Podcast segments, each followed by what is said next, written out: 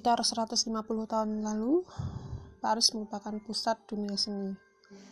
Terdapat beberapa sekelompok pelukis, mereka biasa berkumpul di suatu malam di sebuah kafe yang bernama Cafe Queer Boys yang terletak di kawasan Batik Knowles. Adapun pemimpin dari kelompok pelukis tersebut bernama Edward Manet kalian catat ya. Manet Edward Manet. Dia adalah seorang yang tua mapan tampan dan ramah di awal usianya di 30-an kemudian dia juga cukup gemar menggunakan pakaian yang stylish atau sesuai dengan model terbaru sehingga orang-orang menjadi terpukau dengan keberadaannya. Dia memiliki energi dan rasa humor.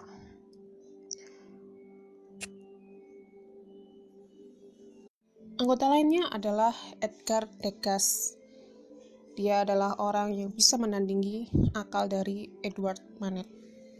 Mereka keduanya memiliki semangat yang penuh serta mereka memiliki lidah yang tajam sehingga tidak jarang pula mereka terlibat di dalam pertengkaran sengit. Sahabat yang lainnya adalah Paul Cesan. Cesan, ia bertubuh jangkung, kasar, dan penggunaan pakaiannya cukup sederhana. Dia hanya mengenakan celana panjangnya dengan bukan sabuk tetapi ditahan tali. Sahabat pelukis lainnya adalah Claude Monet. Jadi kalau tadi ada Edward Manet, lalu ada satu lagi sahabat pelukis di dalam kelompok tersebut bernama Claude Monet. Jadi ada Manet dan Monet. Jadi nanti kalian ingat karena dua tokoh ini akan punya pendapat atau persepsi yang berbeda. Di antara sahabat yang lainnya terdapat sahabat pelukis yang mendapat julukan sebagai gelandangan santai. Dia adalah Pierre Auguste Renoir. Lalu selanjutnya ada sahabat pelukis yang lainnya yang menjadi kompas moral di dalam kelompok tersebut. Seorang yang sangat politis, setia, dan berprinsip. Dia adalah Camilo Pissarro. Yang saya sebut tadi mereka merupakan sahabat pelukis. Mereka membentuk sebuah kelompok, kemudian mereka kerap berkumpul di sebuah kafe yang tadi di awal sudah kita sebutkan. Kini mereka menjadi para pelukis yang namanya cukup terkemuka dan diperhitungkan di muka dunia. Para sahabat pelukis yang nama-namanya saya sebut tadi mereka gemar untuk duduk di cafe Queer Boys sebuah cafe yang memiliki dinding yang gelap mejanya berbahan marmer kursi logamnya ringkih untuk makan minum. Mereka senantiasa berkumpul di tempat itu untuk bertengkar mengenai politik dan sastra dan seni. Dan terutama mereka bertanya-tanya dan memikirkan nasib karir mereka. Para pelukis yang berkumpul tadi, sesungguhnya mereka telah menciptakan sebuah seni modern dengan gerakan yang di kemudian hari dikenal sebagai gerakan impresionisme. Di antara mereka, mereka saling melukis bersama antar anggota grup, mereka melukis bersebelahan, kemudian mereka juga saling mendukung secara emosional dan finansial. Untuk itulah, maka kita tidak heran jika kelak pada hari ini lukisan-lukisan mereka digantung di tiap musim seni besar dunia. Tetapi jika kita tahu bahwa pada tahun 1860-an mereka punya perjuangan yang sangat panjang. Monet tidak punya uang, sehingga si Renoir pun harus memberikan roti kepadanya agar ia tidak kelaparan. Tetapi pun Renoir juga tidak memiliki nasib yang lebih baik. Dia bahkan tidak cukup punya uang untuk membeli perangko demi surat menyurat. Surat menyurat hampir tidak ada pedagang karya seni yang ter tertarik terhadap lukisan-lukisan mereka. Bahkan mereka sering kali dianggap remeh oleh para kritikus seni pada masa itu. Pada abad ke-19, seni memainkan peran yang sangat besar di kehidupan budaya Perancis. Adapun seni lukis diatur oleh sebuah departemen pemerintah bernama Kementerian Rumah Tangga Kerajaan dan Seni Murni. Dan pada masa itu, profesi pelukis hampir sama seperti profesi dokter atau pengacara di masa sekarang. Seorang calon pelukis akan memulai karirnya di École Nationale Supérieure des Beaux Arts yang terletak di Paris. Sehingga para pelukis akan mendapatkan pendidikan yang tertib dan formal. Hampir di setiap tingkat pendidikan, mereka mengadakan kompetisi. Sebagaimana halnya kompetisi, mereka yang tidak sukses bakal disingkirkan. Yang sukses, mereka akan mendapatkan penghargaan dan beasiswa bergengsi. Kemudian ada satu puncak profesi dari pelukis, manakala lukisan-lukisan mereka mengadakan atau diterima di sebuah institusi yang penting pada masa itu di seluruh Eropa. Adapun pameran seni itu dinamakan sebagai salon. Jadi nanti kita catat ya, di sini salon bukanlah kalau yang kita kenal selama ini, salon merupakan tempat untuk kita merawat rambut atau kecantikan. Nah, tetapi di sini kata baru yang kita temukan S dengan S besar, salon adalah suatu pameran seni yang penting di Eropa pada masa itu. Lalu, apa itu salon? dan bagaimana cara bekerja salon.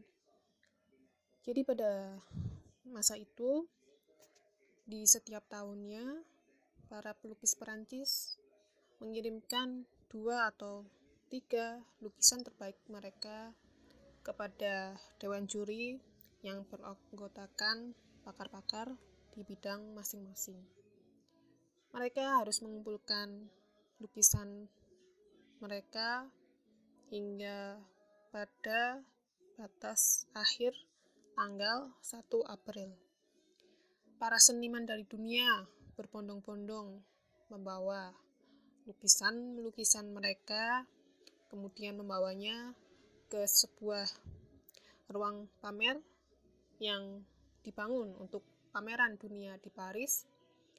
Dia terletak di Champs Elysees dan Sungai Seine di ruang pamer itu atau bernama Palais de la Industrie. Pada beberapa minggu setelah pengumpulan tersebut, juri akan berembuk untuk menilai setiap lukisan. Lukisan yang tidak layak akan dicap huruf R berwarna merah. Itu artinya lukisan mereka ditolak. Kemudian lukisan-lukisan yang diterima setelah lukisan-lukisan itu diseleksi dan dinilai. Lukisan-lukisan yang terpilih tersebut bakal digantung di dinding-dinding ruang pamer Palais de la Industrie tadi. Kemudian lukisan-lukisan yang terbaik akan mendapatkan medali. Sehingga para para pelukis yang tadi tidak berhasil, mereka akan pulang dengan kecewa.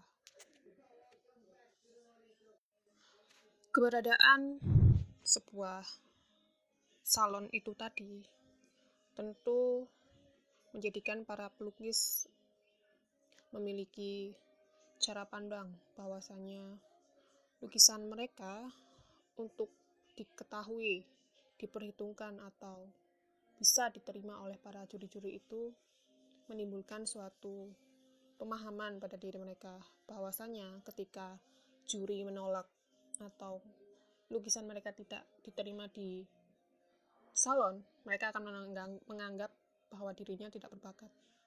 Hingga ada salah satu seniman, dia bernama Jules Holstaffel. Lukisannya tidak berhasil menembus salon pada tahun 1866. Dia menembak kepalanya sendiri. Karena dia berpikir anggota juri telah menolak lukisannya. Dan dia saat itu juga merasa dia tak memiliki bakat. Jadi bisa kita pahami bahwasanya pada abad 19 di Perancis pada saat itu, salon adalah segalanya. Dan salon pun menjadi bagian yang penting pula bagi kehidupan para kelompok sahabat pelukis yang di awal sudah disebutkan. Bahkan tidak sedikit pula atau kelompok pelukis impresionis ini juga sering menerima penolakan dari juri salon. Lalu seperti apakah penilaian juri salon pada lukisan-lukisan yang hendak mereka terima? Adapun seorang ahli sejarah seni bernama Sueroy. Dia mengungkapkan bahwasannya lukisan-lukisan yang akan mendapatkan medali atau yang diterima oleh salon adalah lukisan besar yang memiliki rincian detail menampilkan adegan dari sejarah Perancis atau mitologi yakni dengan kuda dan tentara dan perempuan cantik. Beberapa judul lukisan-lukisan yang diterima adalah seperti pertama berjudul Kepergian Sang Prajurit. Judul kedua, Gadis Muda Menangis Karena Surat, atau sebagaimana judul yang ketiga, Kepolosan yang Ditinggalkan. Lebih lanjut menurut Sue Roy lagi, karya diharapkan sangat akurat sampai sekecil-kecilnya, diselesaikan dengan baik dan dibingkai dengan formal dengan perspektif yang benar dan mengikuti semua kebiasaan artistik. Lebih lanjut lagi dari Sueroy, terang menandakan drama, gelap menandakan keseriusan. Dalam lukisan naratif, adegan bukan hanya harus akurat, melainkan juga harus menghadirkan nuansa yang bisa diterima secara moral. Jadi itulah kira-kira sebuah standar yang diterapkan oleh salon. Akan tetapi, para grup pelukis bersahabat yang bernama para kelompok impresionis tadi, mereka memiliki gagasan yang berbeda dengan apa yang bisa dianggap sebagai seni. Mereka justru lebih gemar untuk melukis bertemakan kehidupan sehari-hari. Adapun sapuan kuas mereka tentara, hingga sosok-sosok yang mereka lukis itu tidak memiliki suatu kejelasan. Sehingga bagi para juri salon dan para penonton di Balais menganggap bahwa karya para impresionis itu terlihat sangat amatir dan juga mengejutkan. Bagaimana mengejutkannya? Karena pada tahun 1865 Paris dibuat heboh oleh karena salah satu anggota dari sahabat pelukis impresionisme tadi yang bernama Manet berhasil diterima oleh salon. Adapun judul lukisan itu yakni Olimpia yang menampilkan seorang pelacur. Sehingga lukisan Manet yang diterima tadi menghebohkan dan mengejutkan bagi pada masyarakat pada masa itu. Kemudian pada tahun 1868, Renoir, Basil, dan Monet juga berhasil meloloskan lukisan ke salon. Akan tetapi, pada pertengahan masa enam minggu lukisan mereka dipamerkan di salon, karya mereka kemudian dicopot dari ruang pamer utama dan kemudian dibuang di pembuangan sampah. Sesungguhnya itu berarti juga bahwa lukisan mereka tetap saja ditolak oleh salon.